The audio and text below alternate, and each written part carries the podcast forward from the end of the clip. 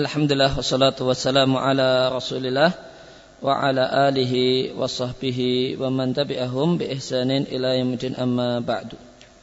Bapak dan Ibu kaum muslimin dan muslimah jamaah Masjid Al-Hidayah rahimani wa rahimakumullah. Kembali kita lanjutkan kajian hadis-hadis Nabi sallallahu alaihi wasallam yang terdapat dalam buku kumpulan hadis Riyadhus Shalihin min kalami Sayyidil Mursalin.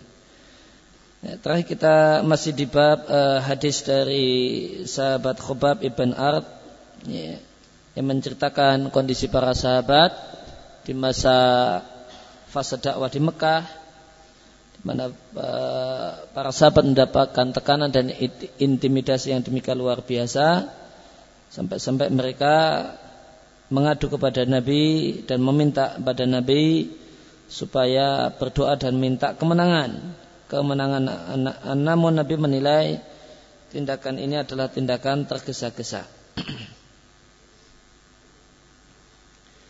e, maka di, di penjelasannya disampaikan maka jika seorang itu bersabar wasabar dan bersabar dan menempuh jalan dan metode yang akan mengantarkan kepada tujuan dan itu ditempuh tanpa ada kekacauan tanpa ada eh, mobilisasi massa, tanpa ada eh, provokasi massa, akan tapi eh, munazomah dengan metode yang teratur, termanage dengan baik, karena musuh kaum muslimin, orang-orang munafik, orang kafir, mereka berjalan di atas eh, program yang paten dan teratur. Dan mereka pun bisa mewujudkan apa yang jadi maksud mereka. Ya, maka hendaknya kaum muslimin beliau sampaikan menyikapi uh, ya, permusuhan dari orang-orang kafir. Beliau katakan hendaklah bersabar dan tekun ulat ya, tidak kemudian membuat kekacauan namun hendaknya Ya, usaha-usaha untuk melakukan ya, ya, pencegahan dan menghadapi makar-makar orang kafir itu semua hendaknya dimanage dengan baik, ditata dengan baik, jangan emosional dan tergesa-gesa.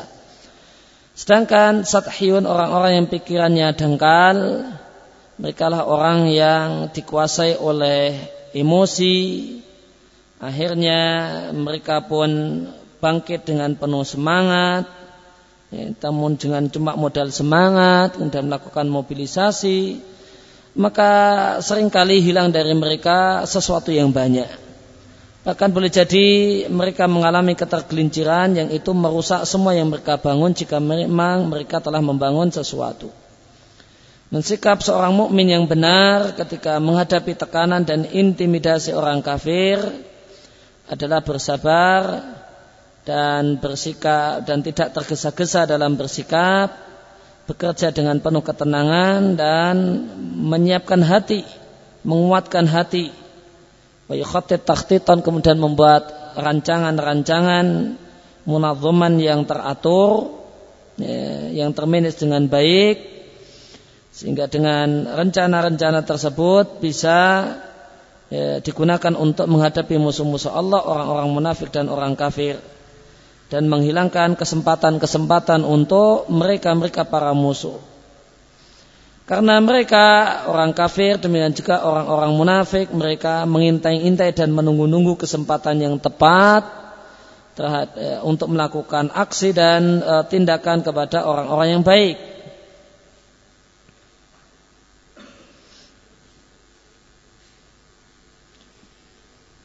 Ya, mereka ingin agar ya, memancing emosi.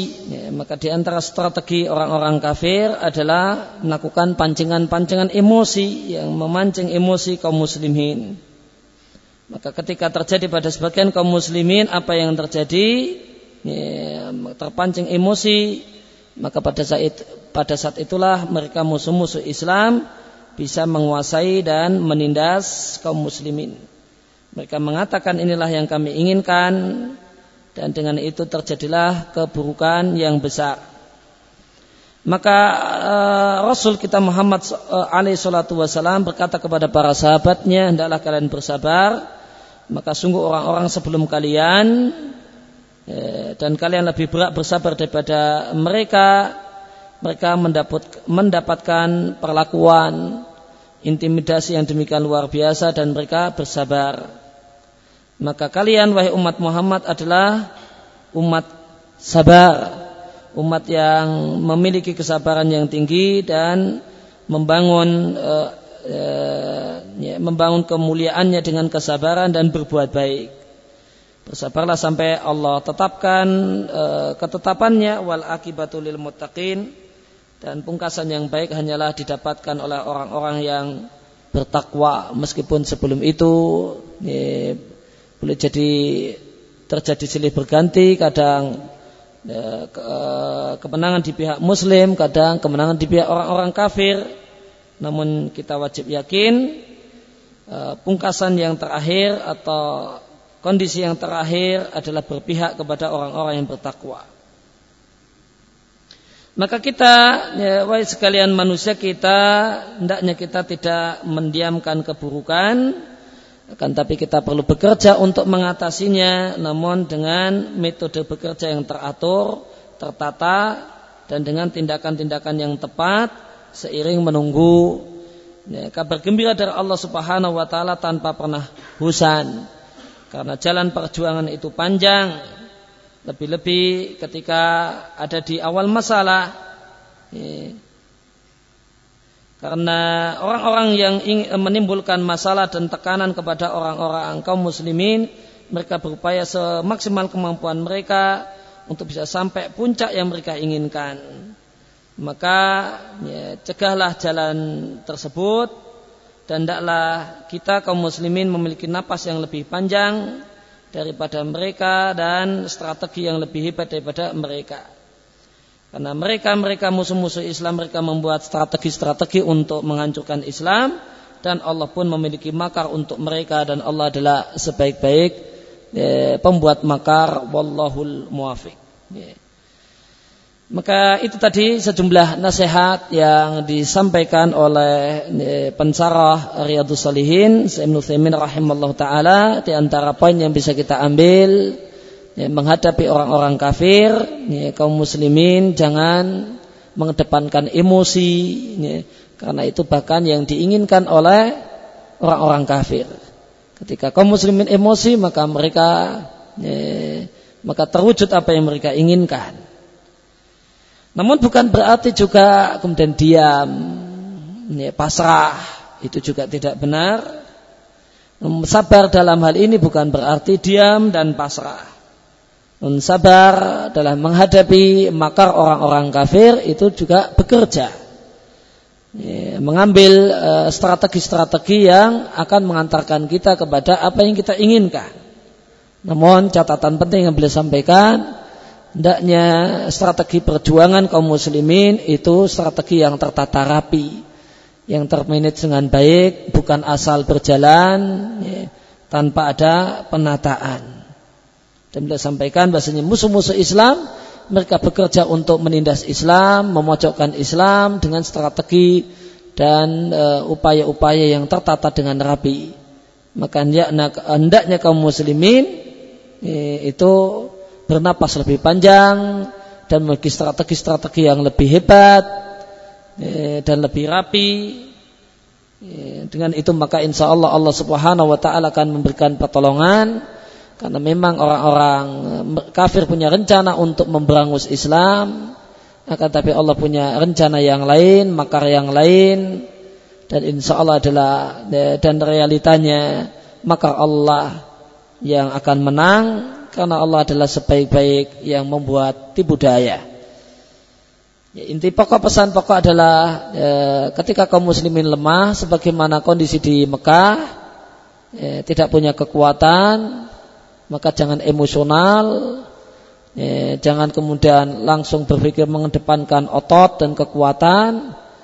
Karena ketika itu di itu yang dipikirkan maka ini adalah kesempatan emas orang-orang kafir untuk memberangus kaum muslimin. Namun sikapi dengan sabar, sabar di sini bukan diam, Sabar di sini bukan membiarkan, namun sabar di sini diiringi dengan kerja yang hendaknya kerja tersebut adalah kerja yang tertata, termanage dengan baik. Kemudian uh, hadis berikutnya di Riyadus Salihin adalah hadis dari sahabat Ibnu Mas'ud radhiallahu anhu. Beliau bercerita tatkala perang Hunain maka Rasulullah Shallallahu Alaihi Wasallam mengistimewakan sejumlah orang dalam pembagian harta rampasan perang ada seorang bernama Akra bin Habis, beliau berikan kepadanya 100 ekor unta. Ada orang lain bernama Yuainah bin Hisan, beliau beri untuknya semisal itu yaitu 100 ekor unta. Dan uh, beliau berikan sejumlah kepada sejumlah orang yang merupakan tokoh-tokoh elit-elit orang Arab. Nih, dengan jumlah yang semacam itu. Maka beliau lebih mengutamakan mereka pada saat itu dalam pembagian harta. Maka melihat pembagian yang boleh jadi dinilai tidak adil ini, ada seorang yang lancang e, mencela Nabi dalam pembagiannya. Dia mengatakan wallahi inna hadhihi kismatun ma'udila fiha. Demi Allah ini adalah pembagian yang tidak adil. Wa ma'urita fiha wajhullah dan ini adalah pembagian yang tidak ikhlas karena Allah. Maka suka memfonis orang ini memfonis dan menghakimi isi hati. Ini tidak ikhlas. Ini tidak ikhlas. Maka kata Ibnu Mas'ud, demi Allah akan aku ceritakan, aku akan kabarkan perkataanmu kepada Rasulullah Sallallahu Alaihi Wasallam. Maka ku datangi Nabi dan ku beritakan pada Nabi perkataan orang itu. Maka berubahlah roman muka Nabi sampai-sampai eh, roman muka beliau itu seperti saraf. Saraf itu adalah siberon, ahmar, eh, adalah pewarna yang berwarna merah. Maka beliau berkomentar faman ya'dilu idalam ya'dil Allah wa rasuluh. Jika Allah dan Rasulnya tidak dianggap tidak adil lalu siapa yang bisa adil? Semakal kemudian beliau menghibur diri dengan mengatakan Yarhamullahu Musa. Semoga Allah menyayangi Musa. Qad udhiya bi min hada. Sungguh Musa mendapatkan gangguan dari Bani Israel lebih hebat dari gangguanku semacam ini. Fasobara namun hebat Musa bisa bersabar.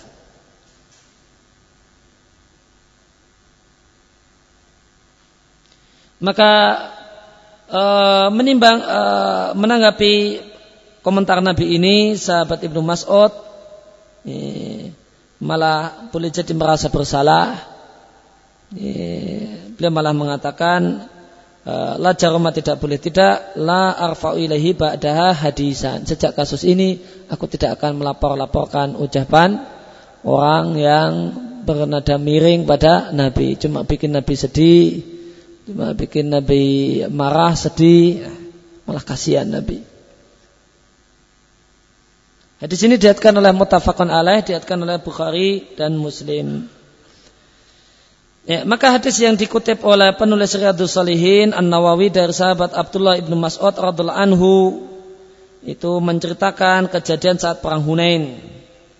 Itulah peperangan Nabi ya, dalam rangka menyerang daerah namanya Taif. Yang ini terjadi perang Hunain ini terjadi setelah penaklukan kota Mekah. Kota Mekah di bulan Ramadan tahun 8 eh, Hijriah maka kurang lebih ini adalah eh, kejadian pada akhir-akhir Sawal tahun itu. Maka singkat cerita Rasulullah Sallallahu Alaihi Wasallam memerangi mereka dan mendapatkan ghanimah yang sangat banyak sekali. Ghanimah harta-harta rampasan perang tersebut terdiri dari onta, kambing, uang perak dan uang emas. Setelah itu Nabi Shallallahu Alaihi Wasallam setelah selesai dari perang Hunain, Nabi singgah dan istirahat di satu tempat namanya Jirona. Wayam mahalon Dan dia ada satu tempat di dekat batas tanah haram menuju ke arah Taif. Ketika orang akan pergi ke Taif, maka batas, batas akhir tanah haram itu di daerah Jirona. Nah apa yang Nabi lakukan di Jirona? Beliau membagi harta rampasan perang, kemudian beliau berihram untuk umroh. Kemudian masuk ke Mekah dalam keadaan berihram untuk umroh. Maka beliau singgah di Jirona dan mulailah Nabi di sana melakukan pembagian harta rampasan perang. Dan di antara yang beliau uh, harta rampasan perang di antaranya beliau berikan kepada al-muallafati qulubuhum. Orang-orang yang mau diambil simpati hatinya. Yaitu kibaril kubail para kepala-kepala kabilah, kepala-kepala suku. Nabi ambil simpati hatinya dengan menggunakan uang dengan menggunakan harta untuk mengambil hatinya eh, agar dekat dengan Islam. Maka Nabi berikan pada mereka pemberian yang nilainya sangat besar sampai sampai satu orang kok 100 ekor unta. Anggap saja satu ekor unta itu 8 juta. Maka harta senilai 800 juta dikasihkan. Eh, mana kuat hati ya, untuk tetap ngotot? Ya ya, tentu hati ya, karena hati itu tunduk dengan uang yang banyak ya. Hati itu tunduk dengan uang yang banyak benci Islam setengah mati kasih duit 800 juta. Oh ya adalah nggak apa-apa kan? Nah, memusuh Islam setengah dari uh, ujung rambut sampai ujung kaki loh kok musuhnya kok malah ngasih duit banyak sekali kayak gini ya? Maka nggak jadi musuh lagi ya? Ya, hati orang ya, itu kalah tunduk dengan harta. Ya, maka kondisi psikologi ini dimanfaatkan Nabi. Ya, jiwa manusia tipikal jiwa manusia semacam ini Nabi manfaatkan ya, dengan mumpung ada harta banyak belum berikan uang dalam jumlah yang banyak pada mereka untuk para kepala-kepala suku yang permusuhannya dengan Islam ini keras ya.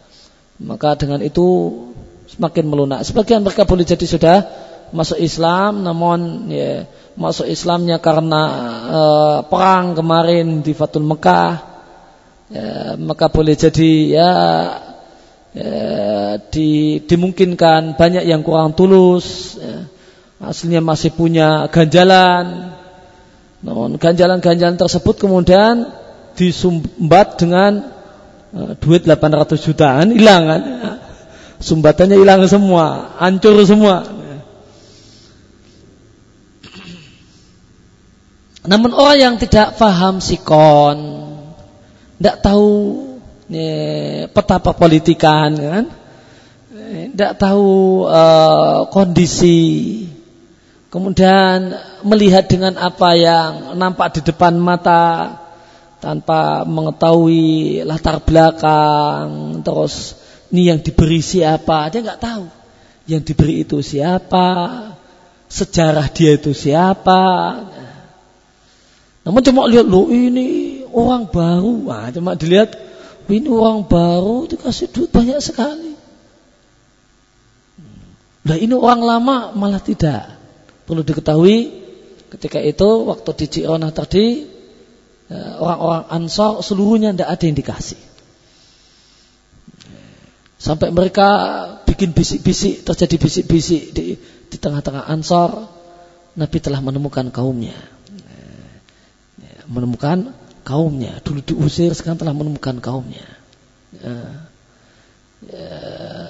Telah menemukan kaumnya. Maka dia beri ya, pemberian yang banyak kepada ya, orang di luar kita. Ya, ada bisik-bisik semacam itu. Nabi akan meninggalkan kita. Nah, sudah ada buruk sangka tersebar semacam itu ya, ya maka buruk sangka yang terucap tadi akhirnya sampai kepada Nabi maka Nabi kumpulkan ansor ya, seluruhnya. Kemudian Nabi ceramah di depan mereka dengan ceramah yang sangat sahdu. Ya, dengan satu ceramah yang membuat semua mereka menangis. Ya, Nabi ceritakan maksudnya.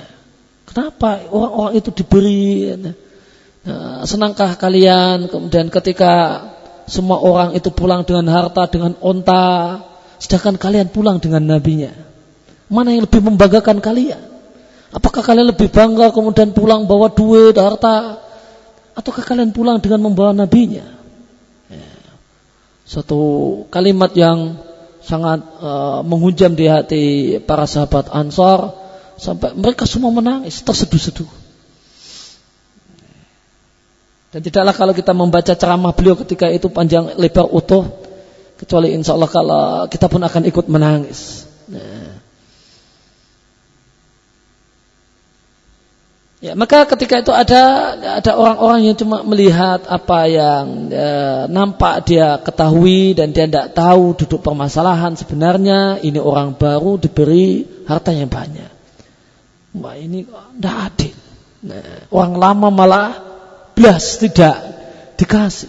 Ansor sama sekali tidak dikasih. Jangankan kambing satu ini ya. Semua mereka sama sekali tidak diberi oleh Nabi. Habis semua itu untuk para kepala-kepala suku yang baru saja masuk Islam saat Fatul Mekah, saat penaklukan kota Mekah.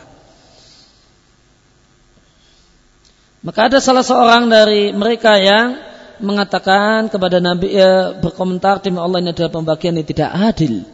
Bahkan menuduh hati Nabi dan mengatakan ini pembagian yang tidak ikhlas karena Allah. Maka naudzubillah ini tentu ucapan yang sangat mengerikan. Eh, demikian komentar yang dia ucapkan dalam pembagian yang itu dilakukan langsung oleh Rasulullah Sallallahu Alaihi Wasallam.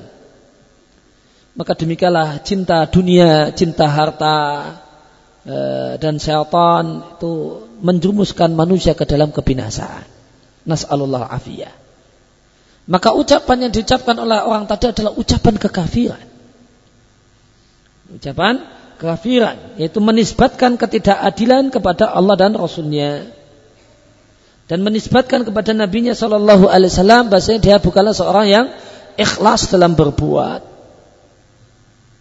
Dan padahal kita sebagai seorang mukmin tidaklah ragu, kita yakin bahasanya Nabi sallallahu alaihi wasallam menginginkan dengan pembagian tersebut semata-mata wajah Allah Subhanahu wa taala.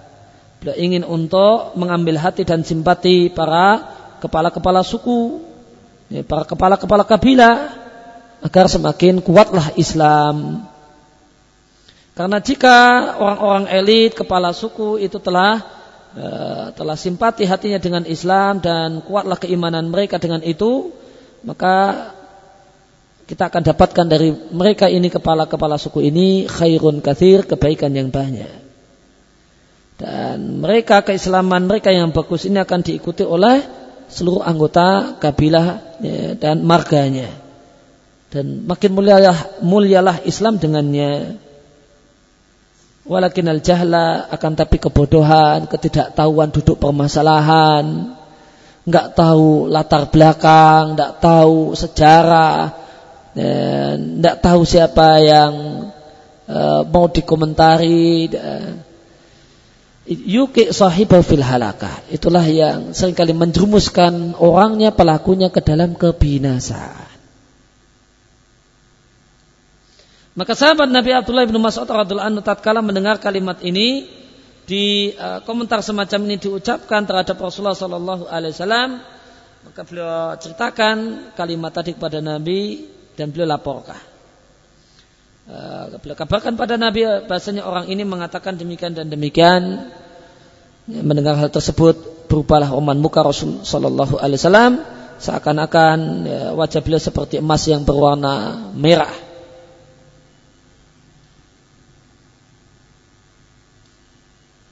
karena atau uh, seperti emas karena kuningnya atau karena dan berubahnya.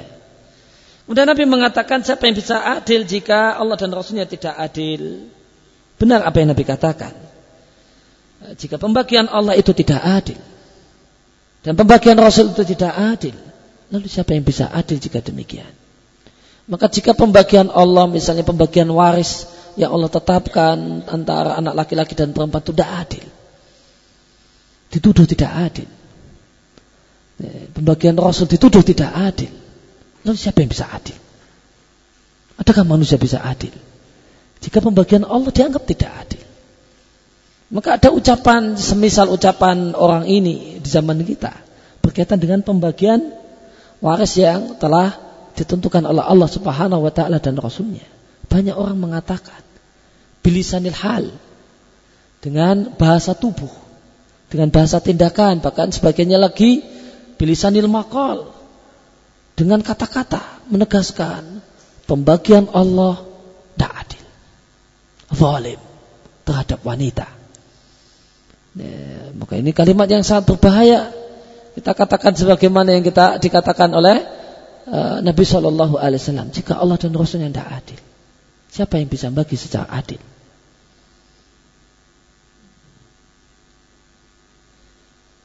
Maka menuduh Allah tidak Allah dan Rasulnya tidak adil itu tuduhan yang sangat ngeri. Faman ja'dil idan. Jika demikian siapa yang bisa bersikap adil? Kemudian Nabi menghibur diri dengan mengatakan semoga Allah menyayangi Musa. Sungguh dia mendapatkan gangguan yang lebih hebat daripada ini. Nah, maka yang jadi sisi dalil kenapa hadis ini diletakkan di bab sabar adalah kalimat yang Nabi ucapkan ini. Semoga Allah menyayangi Musa. Dia mendapatkan gangguan yang lebih hebat daripada ini namun dia bisa bersabar. Nah, kalimat tersebut menunjukkan bahasanya para nabi alaihi wassalatu wassalam mereka diberi mendapatkan gangguan dan mereka bersabar.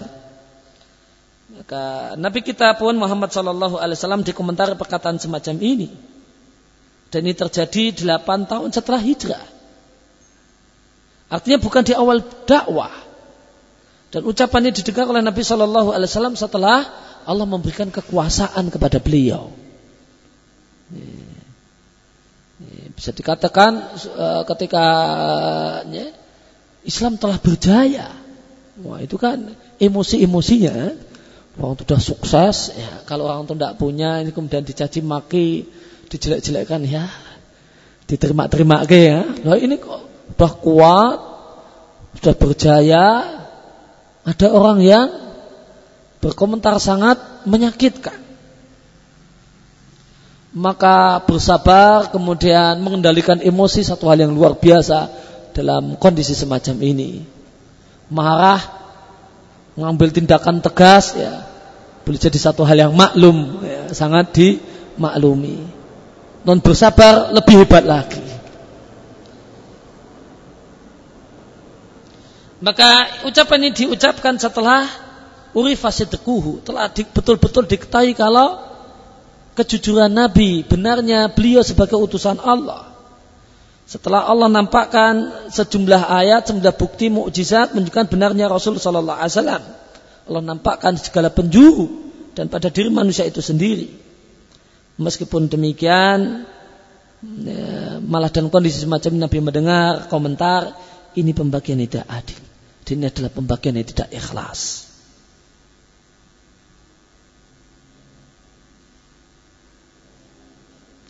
Maka jika ucapan semacam terlontar dari orang-orang yang eh, atau dari orang yang tergolong sahabat Nabi alaihissalatu kepada Nabi maka kita tidak perlu heran jika ada orang yang berkomentar buruk dengan ulama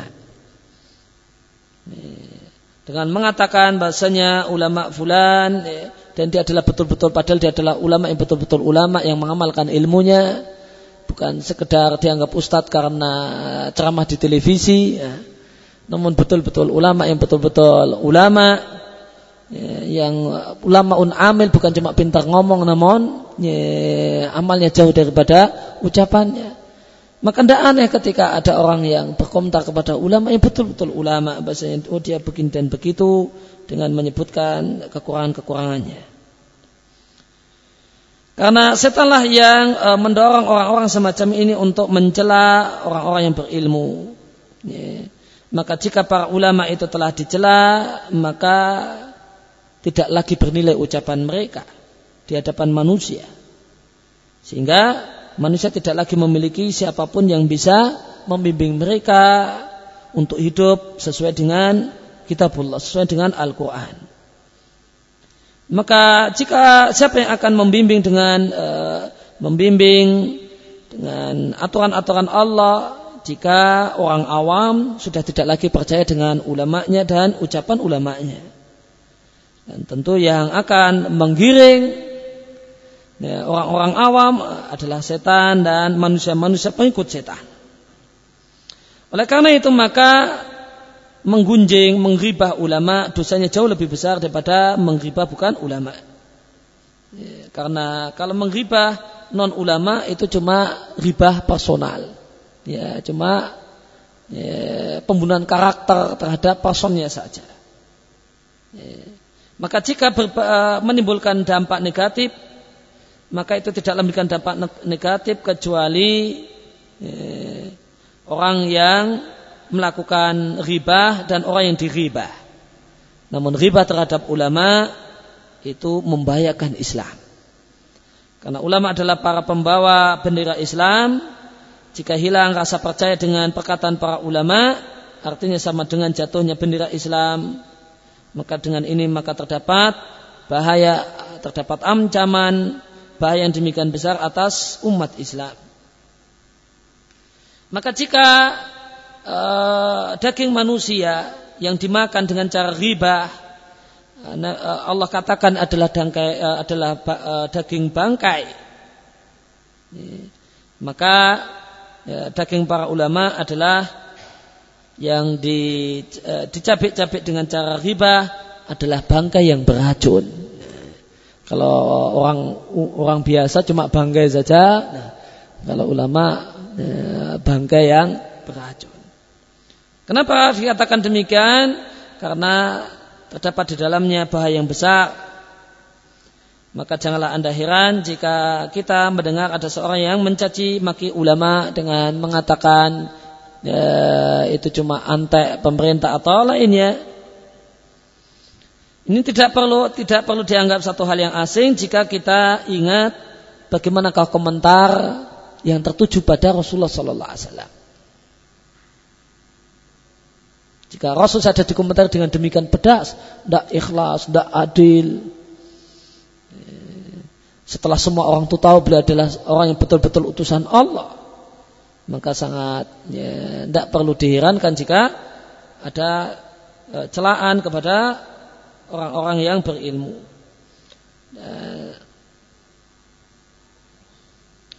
Dan ketika ya hal tersebut terjadi maka bersabarlah dan berharaplah pahala kepada Allah Azza wa Jal dan yakinlah bahasanya kesudahan yang baik hanyalah untuk orang-orang yang bertakwa.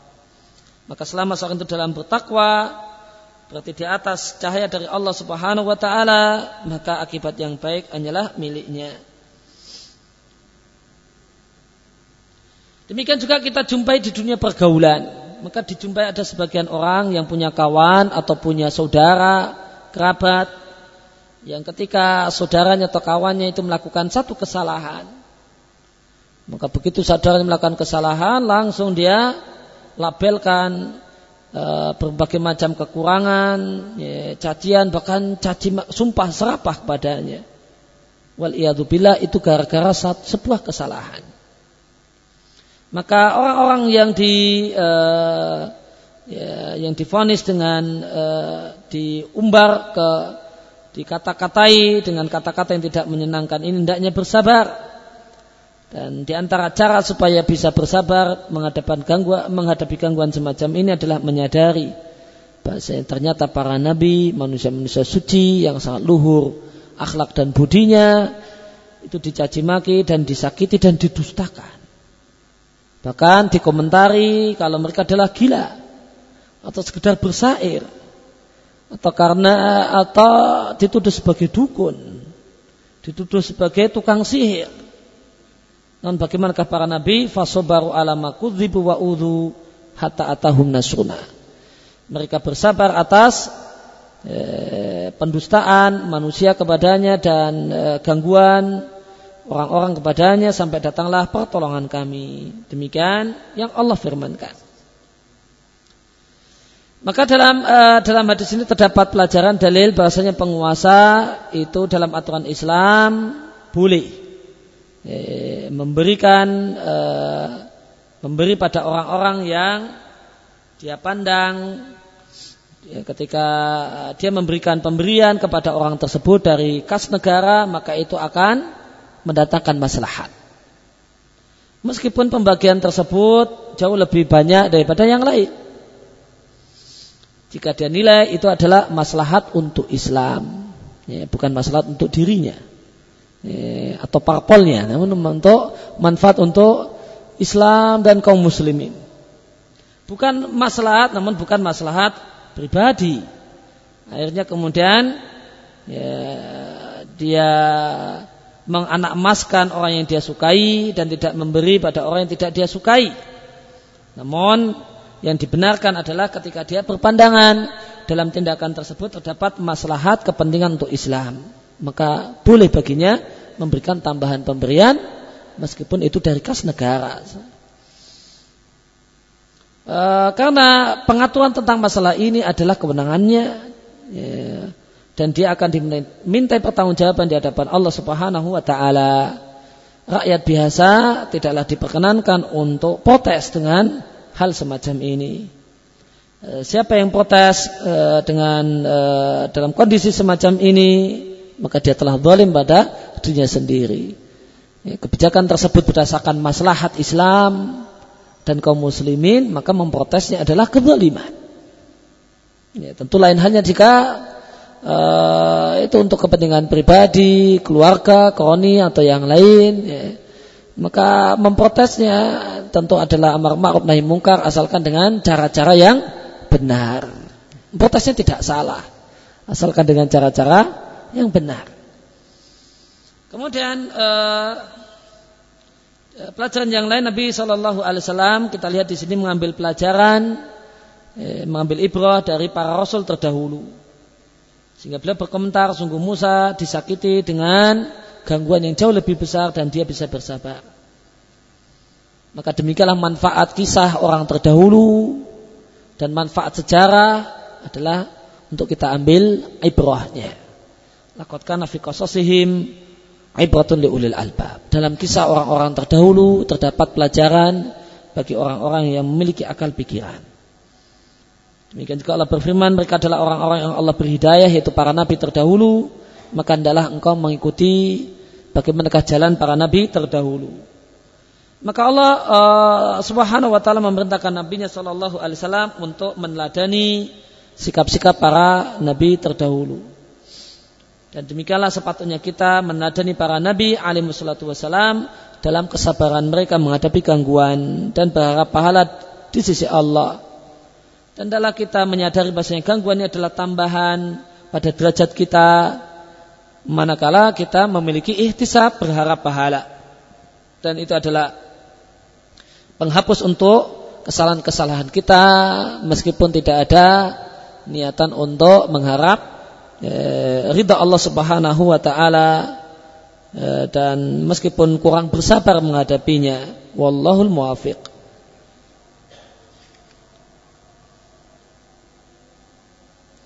Ya, pelajaran yang lain dari hadis uh, ini Nabi adalah manusia sebagaimana umumnya manusia.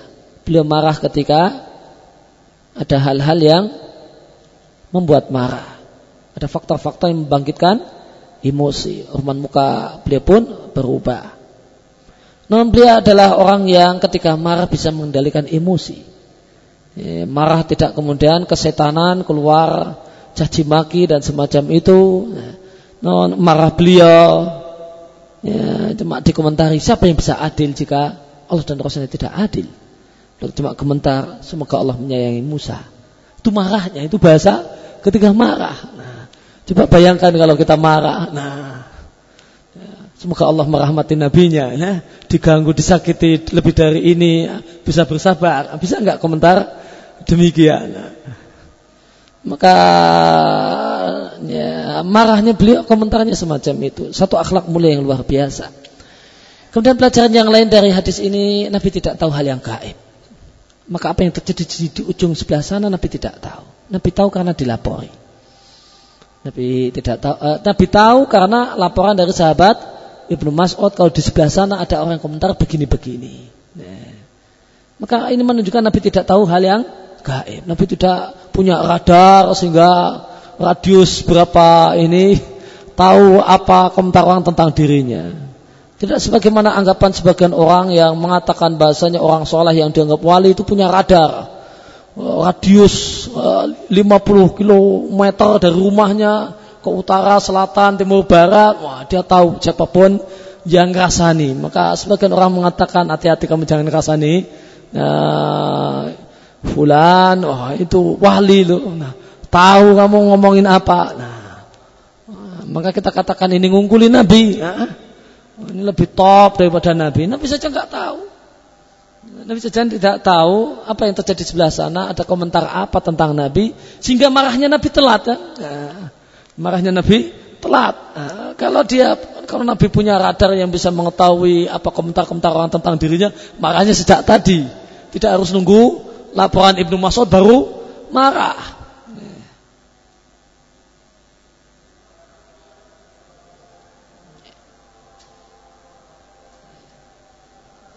Dan di uh, di sini terdapat pelajaran tentang uh, di antara metode dalam dakwah, metode perjuangan, ya, itu di antaranya adalah jika memang perlu menggunakan uang, uang bisa digunakan untuk menundukkan musuh-musuh dakwah. Nah, oh ini sengitnya sama dakwah kok luar biasa, disumpeli duit uh, masih masih ribut enggak? Maka insya Allah tidak ribut lah. Kalau ribut ya ributnya berkurang lah. Kalau mau tetap ribut dia nggak akan terima duitnya. Dia terima duitnya ributnya akan berkurang. Maka itu boleh. Bahkan itu bisa diambilkan dari dari harta zakat. Demikian wasallallahu ala nabiyina Muhammadin wa ala alihi wa sahbihi wasallam baru da'wana alhamdulillahi rabbil alamin subhanaka allahumma wa bihamdika asyhadu an la ilaha illa anta astaghfiruka wa atubu ilaih.